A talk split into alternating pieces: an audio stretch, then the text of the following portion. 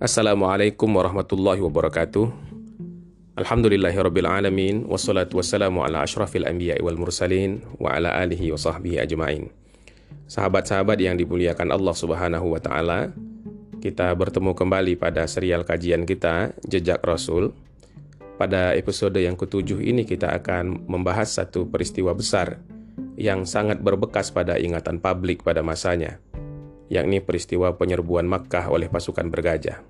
Begitu mendalamnya memori kolektif yang ditinggalkan oleh peristiwa ini kepada masyarakat Makkah maupun masyarakat Arab, maka peristiwa ini pun dijadikan satu standar penanggalan baru pada masa itu, di mana tahun satu dimulai lagi dari peristiwa gajah ini. Dan kita tahu tahun gajah, tahun pertamanya ini adalah tahun kelahiran Rasulullah Shallallahu Alaihi Wasallam. Peristiwa ini berpangkal dari ambisi Abraha, penguasa Yaman yang merupakan perpanjangan tangan dari Najasyi di Habasyah.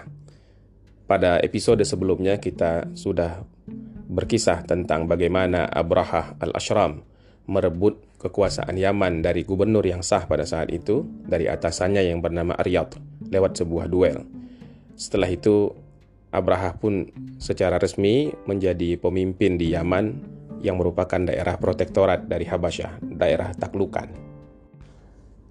Tabiat dari kekuasaan adalah dia ingin selalu expanding, dia ingin selalu berkembang. Orang-orang yang punya ambisi kekuasaan jarang berpuas diri dengan apa yang sudah dia peroleh. Hal ini merupakan tabiat umum dari nafsu manusia, apa pun orientasinya Orang yang berorientasi kepada harta akan selalu mengumpulkan dan menimbun harta benda betapapun sudah banyak perbendaharaannya. Orang-orang yang berambisi kepada urusan-urusan biologis, maka dia akan selalu mencari kepuasan sekalipun tidak akan pernah dia temui puncak kepuasan itu. Kenapa? Karena nafsu manusia itu tidak mengenal kata puas. Kepuasan itu ada di dalam hati manusia dan oleh sebab itulah ajaran Islam mengajarkan kita untuk ridha dan berpuas diri, untuk kona'ah dan merasa cukup. Dan oleh sebab itu pula lah diturunkan syariat sebagai batas bagi kemauan manusia itu. Seperti apa yang disabdakan Rasulullah Shallallahu Alaihi Wasallam, tidaklah sempurna iman seorang di antara engkau la yu'minu ahadukum hatta yakuna hawahu taba'an lima ji'tu bihi sampai hawa nafsunya sampai dia mampu mengontrol kemauan-kemauannya itu untuk tunduk di bawah syariat yang dibawa oleh Rasulullah Shallallahu alaihi wasallam. Batasan kemauan kita adalah aturan Allah Subhanahu wa taala. Itu plafon tertingginya. Abraha yang sudah mencapai kekuasaan politiknya di Yaman tidak berpuas diri dengan kekuasaan politik dan administratif itu saja. Dia ingin kejayaan, dia ingin membuat satu karya monumental, dia ingin juga menyandingkan itu semua dengan ambisi yang dibalut dengan religiusitasnya.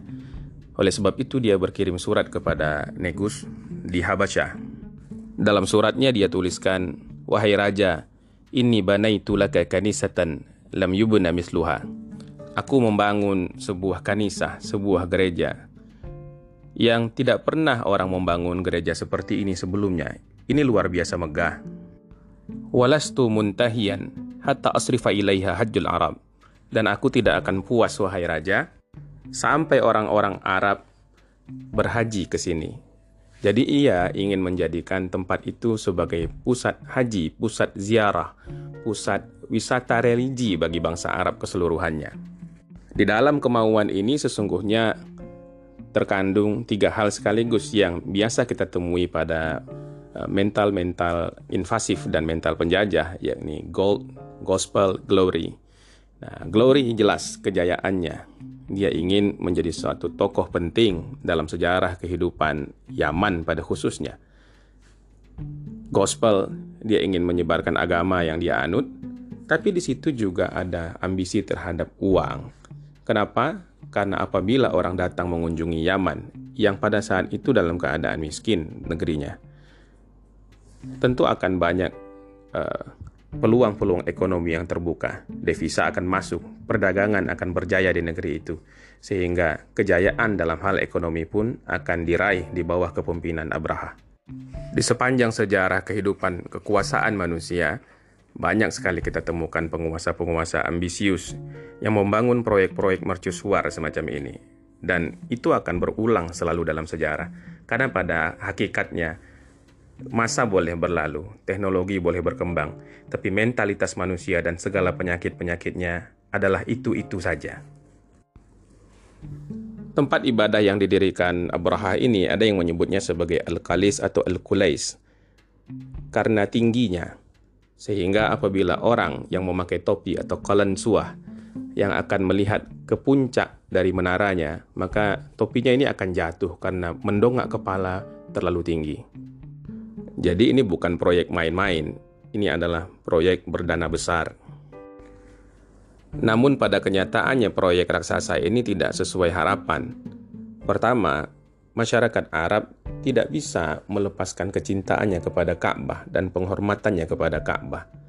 Ka'bah, sekalipun bangunannya sederhana, tapi wibawanya, spirit yang ada, auranya, Terlebih lagi barokah yang ditimpakan Allah Subhanahu wa taala ke tempat itu sebagai tempat peribadatan tertua di muka bumi tidak akan bisa ditandingi oleh bangunan apa pun sepanjang kehidupan manusia, bagaimanapun canggihnya, bagaimanapun megah dan agungnya bangunan itu. Ka'bah telah meresap ke dalam hati manusia karena Ka'bah bukanlah bangunan semata-mata. Ka'bah adalah simbol cinta. Hal ini tentu berimplikasi kepada sepinya bangunan yang didirikan oleh Abraha, dan ini tentu mengecewakan. Di lain pihak, di tengah-tengah masyarakat Arab pula, surat Abraha kepada Najasyi itu bocor dan menjadi bahan perbincangan. Mereka tidak ridho, mereka tidak rela dengan ambisi Abraha yang dia anggap melecehkan tradisi mereka, keyakinan mereka yang telah berlangsung ribuan tahun. Sampai satu ketika seorang lelaki dari Bani Fuqaim bin Adi masuk ke dalam kanisah itu, ke dalam gereja itu, lalu dia mengotorinya dengan kotoran. Akhirnya Abraha pun murka dengan kejadian ini. Siapa yang berani melakukan ini, kata Abraha. Maka orang-orang menjawab, ada laki-laki penduduk Arab dari ahli bait tempat di mana orang-orang Arab naik haji di Mekkah dia marah karena engkau mengatakan engkau akan memalingkan haji orang-orang Arab ke tempat ini. Lalu dia masuk ke sana dan dia buang air di sana. Bagi mereka, wahai Tuhan, katedralmu ini tidak ada artinya dibandingkan dengan rumah suci mereka itu. Ini merupakan satu pelajaran tersendiri bagi kita betapapun kita tidak setuju sebenarnya dengan akidah, keyakinan, ideologi, faham yang dianut orang-orang lain, kita tidak perlu menyerang secara frontal. Adapun dakwah dia disampaikan dengan hikmah wal mau'izatil hasanah dan Rasul pun mengatakan kalaupun engkau ingin mendebatnya untuk memberitahukan kebenaran wajadilhum billati hiya ahsan datanglah engkau dengan perdebatan yang lebih baik lebih baik dari mutu keilmuannya dari kekuatan rasionalitas dan pendalilannya dan lebih baik dari sisi akhlaknya adapun kekerasan ataupun penghinaan-penghinaan semacam ini hanya akan mengundang permusuhan. Oleh sebab itulah Allah Subhanahu wa taala mengatakan وَلَا تَسُبُّوا الَّذِينَ يَدْعُونَ مِن دُونِ اللَّهِ فَيَسُبُّوا اللَّهَ عَدْوًا بِغَيْرِ عِلْمٍ Janganlah engkau mencaci, menghina, merendahkan Tuhan-Tuhan mereka yang disembah selain Allah Subhanahu wa taala sehingga para pelaku hal itu akan balas merendahkan, mencaci, menista Allah Subhanahu wa taala dengan melampaui batas padahal mereka tidak mengetahui akan hal itu. Jadi, cari masalah bukanlah tradisi orang-orang beriman. Kegagalan proyek raksasa ditambah penghinaan dan pembangkangan membuat Abraha tidak lagi bisa menahan diri dia kemudian menyiapkan pasukan untuk pergi ke Baitullah, ke Ka'bah, untuk menghancurkannya. Sebagaimana telah kita ceritakan pada episode-episode sebelumnya, bahwa kekuatan pasukan Habasyah ini terletak pada pasukan gajahnya yang luar biasa. Dengan satu gajah andalan yang paling besar bernama Mahmud, yang jauh lebih besar daripada ukuran gajah-gajah lainnya. Pasukan ini sangat kuat Pasukan ini pula lah yang dulu dipakai untuk menghantam Yaman di bawah kekuasaan Zunuas, yang akhirnya bisa direbut dan menjadi kawasan penaklukan dari uh, negeri Habasyah. Inilah yang dipersiapkan pula oleh Abraha untuk menggempur Baitullah. Pasukan pun berangkat dan keberangkatan pasukan itu didengar oleh orang-orang Arab. Mereka pun menanggapi peristiwa ini dengan serius dan mereka pun menyiapkan macam-macam kekuatan untuk menghadang dan menghalangi rencana Abraha untuk menuju Baitullah Al-Haram. Di antaranya ada seorang uh, tokoh Yaman yang bernama Zunafar. Zunafar menggalang tentaranya untuk menghadapi Abraha, tapi Zunafar bukanlah tandingan dari pasukan Habasyah ini. Zunafar akhirnya dikalahkan, pasukannya ditumpas dan dia sendiri ditawan. Pasukan Abraha terus merangsek ke arah utara. Tatkala sampai di kawasan yang bernama Khas'am, dia dihadang oleh Nufail bin Habib al-Khas'ami bersama dengan dua kelompok kabilah Qas'am, Syahran, dan Nahis. Pada akhirnya, pasukan Al-Qas'ami ini pun ditundukkan dan dikalahkan, lalu Nufail bin Habib ditawan dan dipaksa menyerah. Bahkan Nufail bin Habib tidak hanya menyerah, dia dijadikan penunjuk jalan untuk sampai ke Makkah Al-Mukarramah. Pasukan terus berjalan dan sampailah di negeri Taif, Orang-orang Taif ini menyerah kepada Abraha. Dia katakan, wahai Tuan, kami ini tunduk kepada engkau. Kami tidak akan melawan. Rumah yang akan engkau hancurkan itu, bait yang akan engkau kubur itu, bukanlah tempat kami ini. Karena mereka pun di sana punya sebuah rumah penyembahan yang bernama Al-Lata. Masih terus ke atas lagi ya Tuan, ya biarkanlah kami ini selamat. Maka Abraha pun membiarkan mereka. Ini orang-orang Taif. Bahkan orang Taif ini mengutus satu uh, penduduknya yang bernama Abu Rigal bersama Abraha untuk memastikan mereka bisa sampai ke Makkah. Nah, orang-orang yang sudah tertaklukan memang begini. Dia cenderung untuk dimanfaatkan oleh kuasa-kuasa yang mencengkeram atas mereka. Sampailah pasukan ini kemudian di satu tempat yang bernama Al-Mughammas atau Al-Mughammis.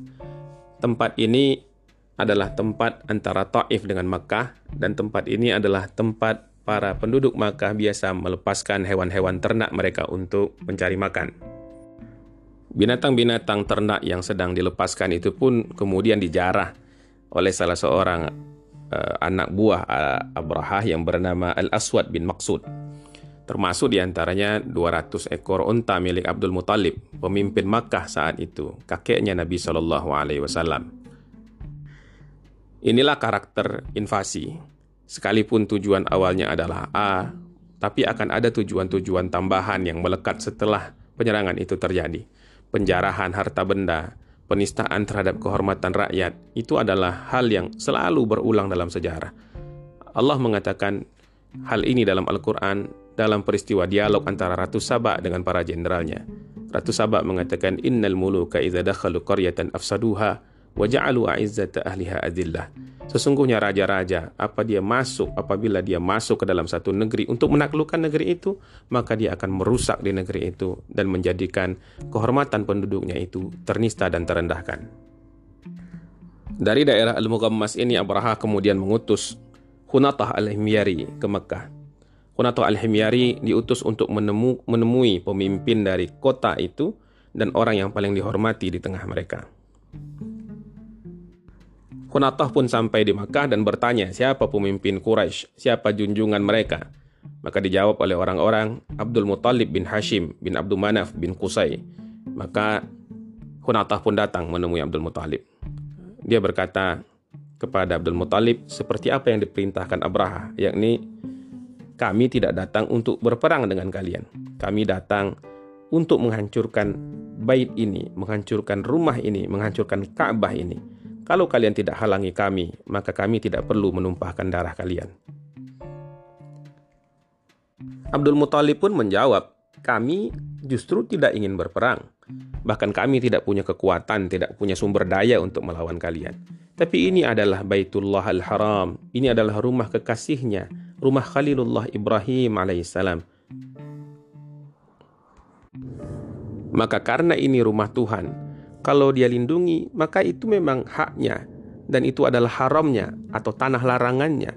Kalau dia biarkan, maka demi Allah kami pun tidak memiliki kekuatan untuk bisa membela tanah ini. Maka kata Hunatah, ikutlah bersama saya, kita menghadap kepada bos saya, kepada gubernur jenderal kami, kepada Abraha. Maka berangkatlah Abdul Muthalib bersama Hunatah. Sebelum menemui Abraha, Abdul Muthalib menyempatkan untuk melihat Zunafar, seorang kawannya yang sudah ditangkap oleh Abraha dan dijadikan tawanan perang. Kemudian dia pun pergi melangkah kepada tendanya Abraha, sang jenderal. Ketampanan, penampilan fisik, aura dan wibawa Abdul Muthalib itu begitu besar.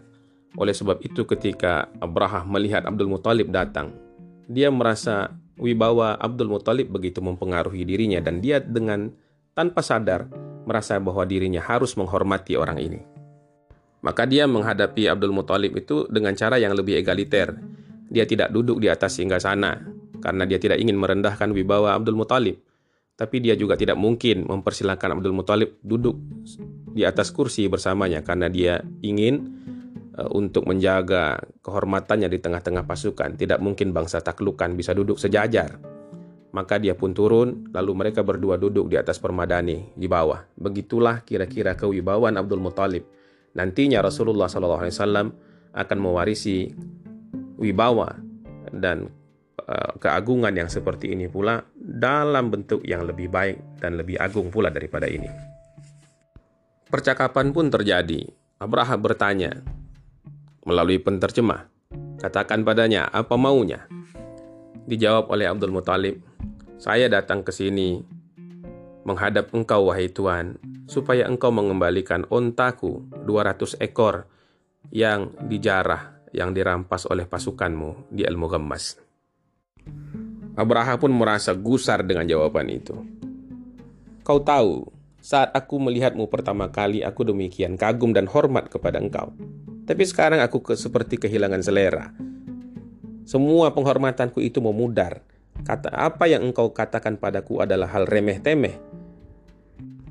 Aku ingin menyerang dan menghancurkan simbol agamamu, simbol agama nenek moyangmu.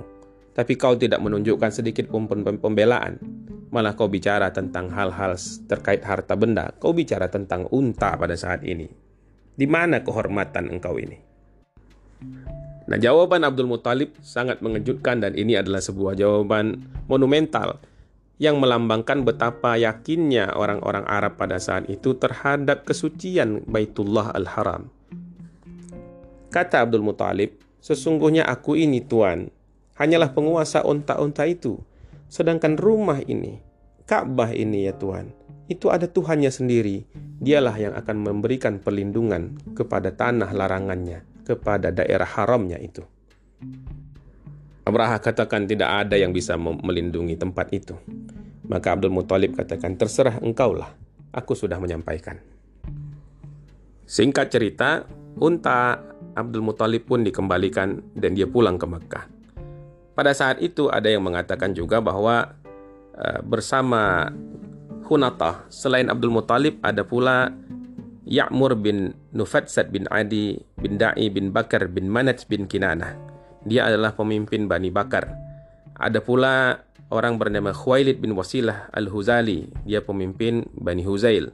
Mereka ini datang untuk membujuk rayu Abraha agar membatalkan niatnya menghancurkan Ka'bah mereka menawarkan sepertiga dari kekayaan Tihamah kepada Abraha asal negeri itu tidak jadi diserbu. Tapi kedua orang ini pun ditolak oleh Abraha karena niatnya, tekadnya memang untuk menghancurkan Baitullah Al-Haram. Abdul Muthalib kembali ke Makkah, lalu dia memberitahukan kepada penduduk Quraisy apa yang terjadi pada saat itu. Dia perintahkan semua orang Quraisy untuk keluar dari kota dan segera berlindung. Bersembunyilah engkau semua ini ke gunung kita lihat apa yang akan terjadi pada orang yang ingin menghancurkan rumah Tuhan ini. Lalu Abdul Muthalib pergi ke arah Ka'bah. Di sana dia memegang rantai pintu Ka'bah bersama beberapa orang Quraisy lalu dia berdoa kepada Allah Subhanahu wa taala. Dia katakan sambil memegang rantai pintu Ka'bah itu, "Ya Tuhan, ya Allah, sesungguhnya manusia itu menjaga tempat tinggalnya, maka Engkau jagalah rumahmu ini, wahai Tuhan kami." Setelah itu mereka pun bubar dan mengasing ke atas gunung. Di pagi hari, Abraha bersiap-siap memasuki Mekah dan mempersiapkan gajahnya. Dia mobilisir pasukannya. Nama gajah tundak tunggangan Abraha sendiri adalah Mahmud yang sudah kita ceritakan. Abraha sudah bulat sekali tekadnya, dia tidak akan kembali ke Yaman sebelum Baitullah hancur. Maka mereka pun mengarahkan gajah-gajah itu ke Mekah. Ada riwayat yang mengatakan Nufail bin Habib Al-Khas'ami yang tadi menjadi tawanan berdiri di samping gajah. Kemudian dibisikkannya ke kuping gajah itu. Wahai Mahmud, menderumlah engkau atau pulanglah dengan damai ke tempat dari mana engkau berasal. Sesungguhnya engkau sedang berada di tanah haram, wahai Mahmud, tanah larangan Tuhan. Setelah membisikkan itu, Al-Khas'ami pun lari. Dia ikut bergerak ke gunung. Apa yang terjadi? Memang gajah-gajah itu menderum. Setiap diarahkan mereka untuk masuk ke Makkah, mereka tidak mau. Tapi apabila mereka diarahkan untuk pulang, mereka mau. Sampai pasukan pun terpaksa menggunakan batangan besi. Dimasukkan semacam mahjan, itu tongkat yang ujungnya bengkok itu, ditusukkan ke bawah perut gajah ini. Namun gajah ini tetap enggan. Para pasukan pun bingung. Gajah ketika diarahkan ke arah Syam atau ke arah timur atau ke arah yang lain atau ke arah pulang ke Yaman, mereka selalu berdiri dan siap untuk berlari. Tapi ketika dipalingkan lagi ke arah Makkah, mereka menderum, mereka diam di sana. Pasukan pun mengalami kegalauan, kebingungan dan di tengah-tengah kebingungan mereka itulah Allah utus burung-burung. Seperti mana yang kita telah baca di dalam Al-Qur'an, Allah mengatakan wa arsala alaihim tayran ababil tarmihim bihijaratin min sijil. Maka Allah mengutus kepada mereka itu tayran ababil, burung yang berbondong-bondong. Kata ababil bukanlah jenis burung tertentu, tapi ababil maknanya berduyun-duyun dalam jumlah yang sangat banyak. Jenis burung apa yang datang pada saat itu nah, tidak diketahui secara jelas, tapi ada yang mengatakan itu sejenis burung layang-layang atau burung balsan, yakni burung jalak. Setiap burung itu membawa tiga batu kerikil, satu di paruhnya dan dua batu di kakinya. Batu-batu itu, kata Ibnu Hisham, sebesar kacang adas. Nah, lemparan batu itu bisa menewaskan orang. Batu-batu itu disebut sebagai sijil. Sebagian mufassir mengatakan bahwa ini adalah uh, kata yang diadopsi orang Arab dari bahasa Persia, yakni sanju dan jallu, batu dan tanah. Artinya kerikil yang dibawa oleh burung-burung ini adalah kerikil yang berjenis batu dan tanah.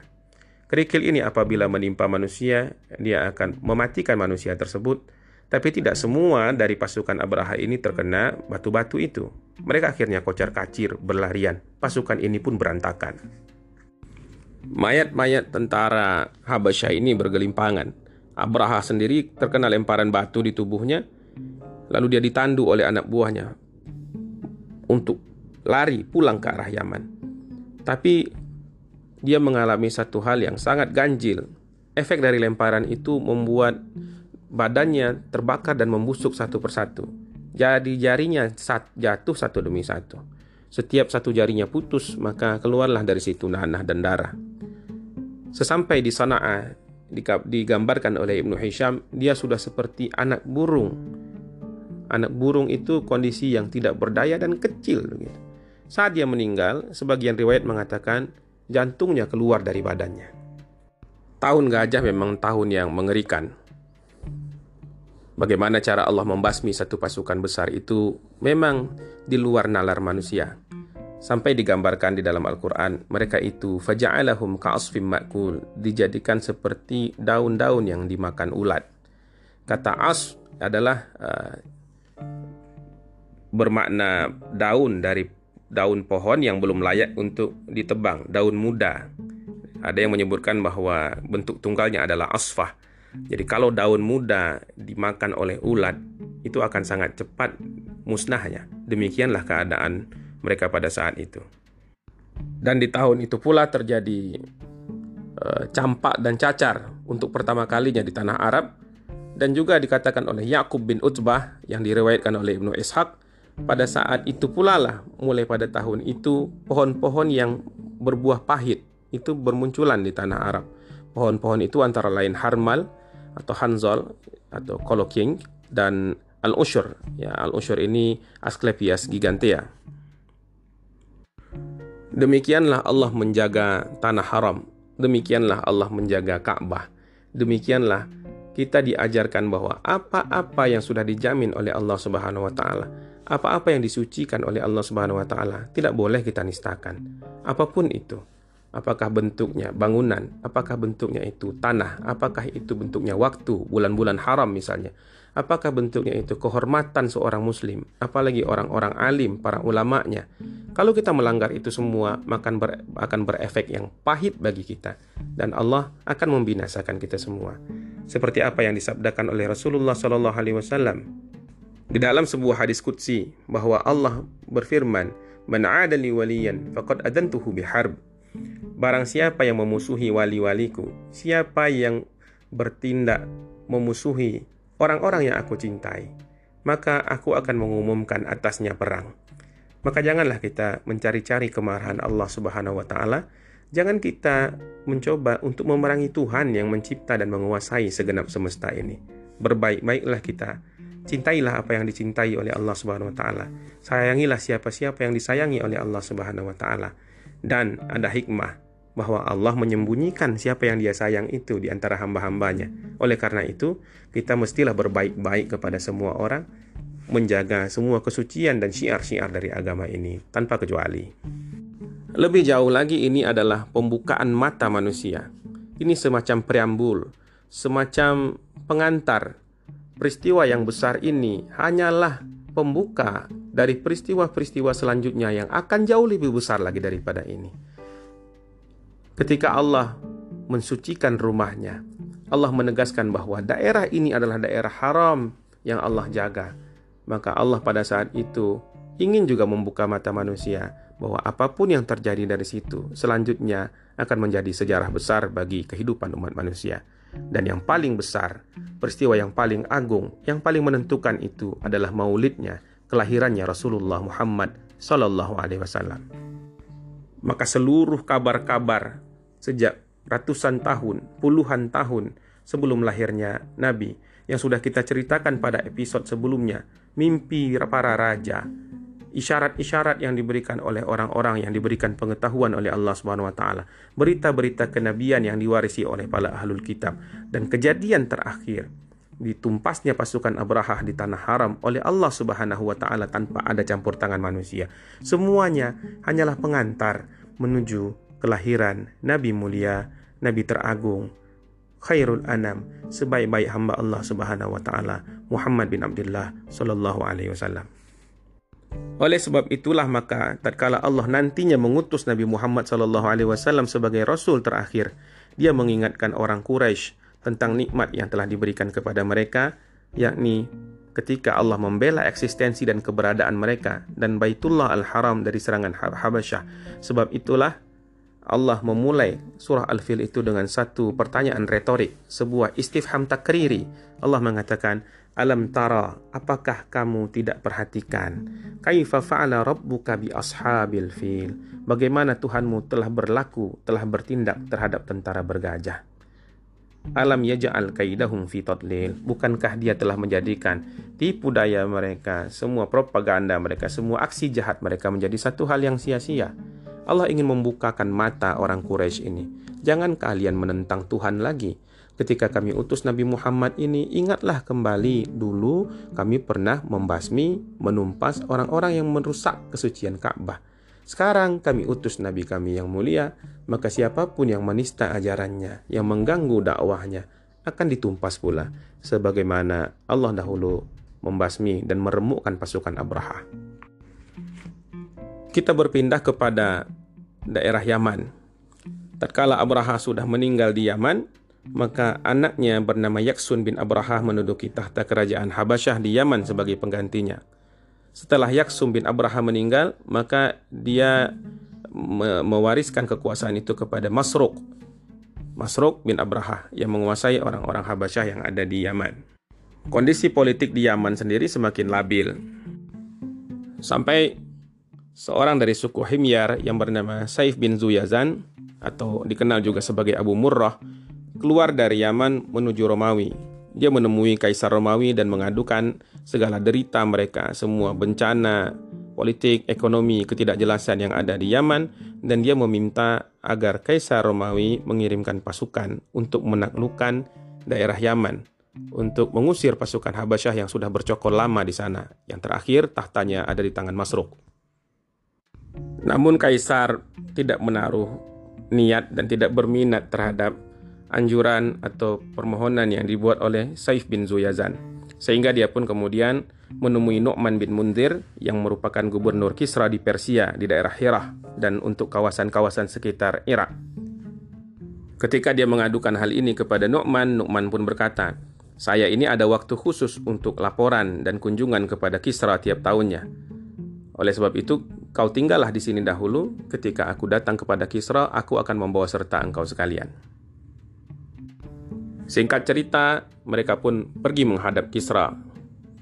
Kisra pada awalnya tidak berminat terhadap anjuran yang disampaikan oleh Saif bin Zuyazan.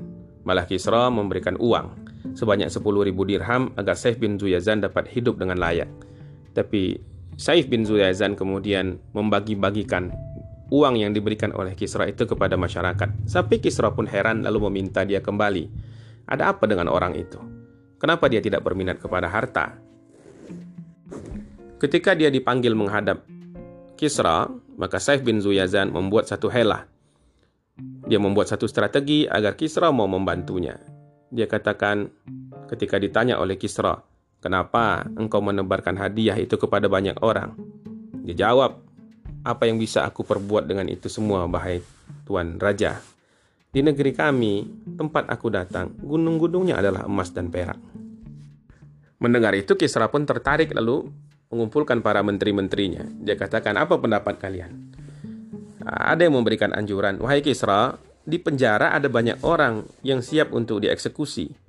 Kenapa tidak engkau kirimkan saja mereka untuk berperang? Kalaupun mereka mati, maka memang itulah akhir hidup mereka yang seharusnya. Tapi kalaupun mereka menang, maka Baginda akan mendapatkan tambahan kerajaan baru, perluasan atas wilayah kita. Maka Kisra pun menerima hal ini. Nah, kita lihat banyak sekali memang di dalam sejarah pemanfaatan orang-orang tahanan ini yang diperalat untuk memenangkan perang sebagai ambisi dari kerajaan. Nah, di berbagai tempat dan berbagai titik waktu sejarah kita selalu melihat bahwa ada orang-orang yang dikorbankan untuk ambisi politik dan penaklukan semacam ini. Dan para tahanan adalah salah satu pihak yang sering kali jadi korban ini. Kisra lalu mengutus e, mereka sejumlah 800 orang tahanan yang kemudian diberikan amanah kepada seorang bernama Wahriz, orang yang terpercaya pada saat itu untuk menjadi komandan mereka. Dikirimkanlah mereka menggunakan 8 kapal tapi yang sampai bisa mendarat yang berlabuh hanya enam kapal sedangkan yang duanya tenggelam di perjalanan. Pasukan Persia pun merangsek ke dalam Yaman ke kota Sana'a dan mereka berhasil membunuh raja di sana, membunuh penguasanya yakni Masruk dan mereka pun menguasai Sana'a, menguasai Yaman. Pada saat itu dimulailah era pemerintahan Persia di negeri Yaman. Kalau kita kembali kepada kisah mimpi Raja Rabi'ah bin Nasir Inilah yang ditafsirkan oleh Satih. Nanti akan ada keturunan Zuyazan yang keluar menyerang orang-orang Habasyah dan mengusir mereka dari Yaman. Dan ini pula yang dikatakan oleh Syekh bahwa seorang itu adalah seorang yang tidak hina dan tidak menghinakan. Dia keluar dari rumah Zibazan. Orang itu adalah Saif bin Zuyazan. Jadi periodisasi pemerintahan di Yaman, kekuasaan politik Yaman ini betul-betul sesuai dengan tafsir mimpi yang diberikan oleh Satih dan Syekh atas uh, mimpinya Rabi'ah bin Nasir. Kalau kita hitung, maka periode pemerintahan Habasyah di Yaman berada pada uh, jeda masuknya Aryat hingga terbunuhnya Masruk bin Abraha oleh pasukan Persia. Itu berlangsung kurang lebih 72 tahun menurut catatan para ahli sejarah. Kekuasaan mereka bergilir pada empat orang saja, Aryat, Abraha, lalu Yaksum bin Abraha, dan terakhir adalah Masruk bin Abraha. Kemudian ditaklukkanlah oleh Persia, lalu Wahris berkuasa di sana. Wahris atau Wihras ini kemudian menjadi perpanjangan tangan Kisra Persia di tanah Yaman. Setelah dia wafat, dia digantikan oleh anaknya yang bernama Marzuban setelah Marzuban wafat, maka Kisra mengangkat anaknya lagi yang bernama Tainujan bin Marzuban sebagai penggantinya. Di tengah jalan kemudian Tainujan diganti oleh Kisra dengan seseorang yang bernama Bazan. Bazan kemudian berkuasa di Yaman hingga Allah mengutus Nabi Muhammad sallallahu alaihi wasallam. Dalam catatan Sirah Ibnu Hisham dikatakan bahwa ketika nantinya Bazan yang berkuasa di tanah Yaman, Kisra menulis surat kepadanya. Sudah sampai berita kepadaku bahwa seorang laki-laki Quraisy telah muncul di Makkah.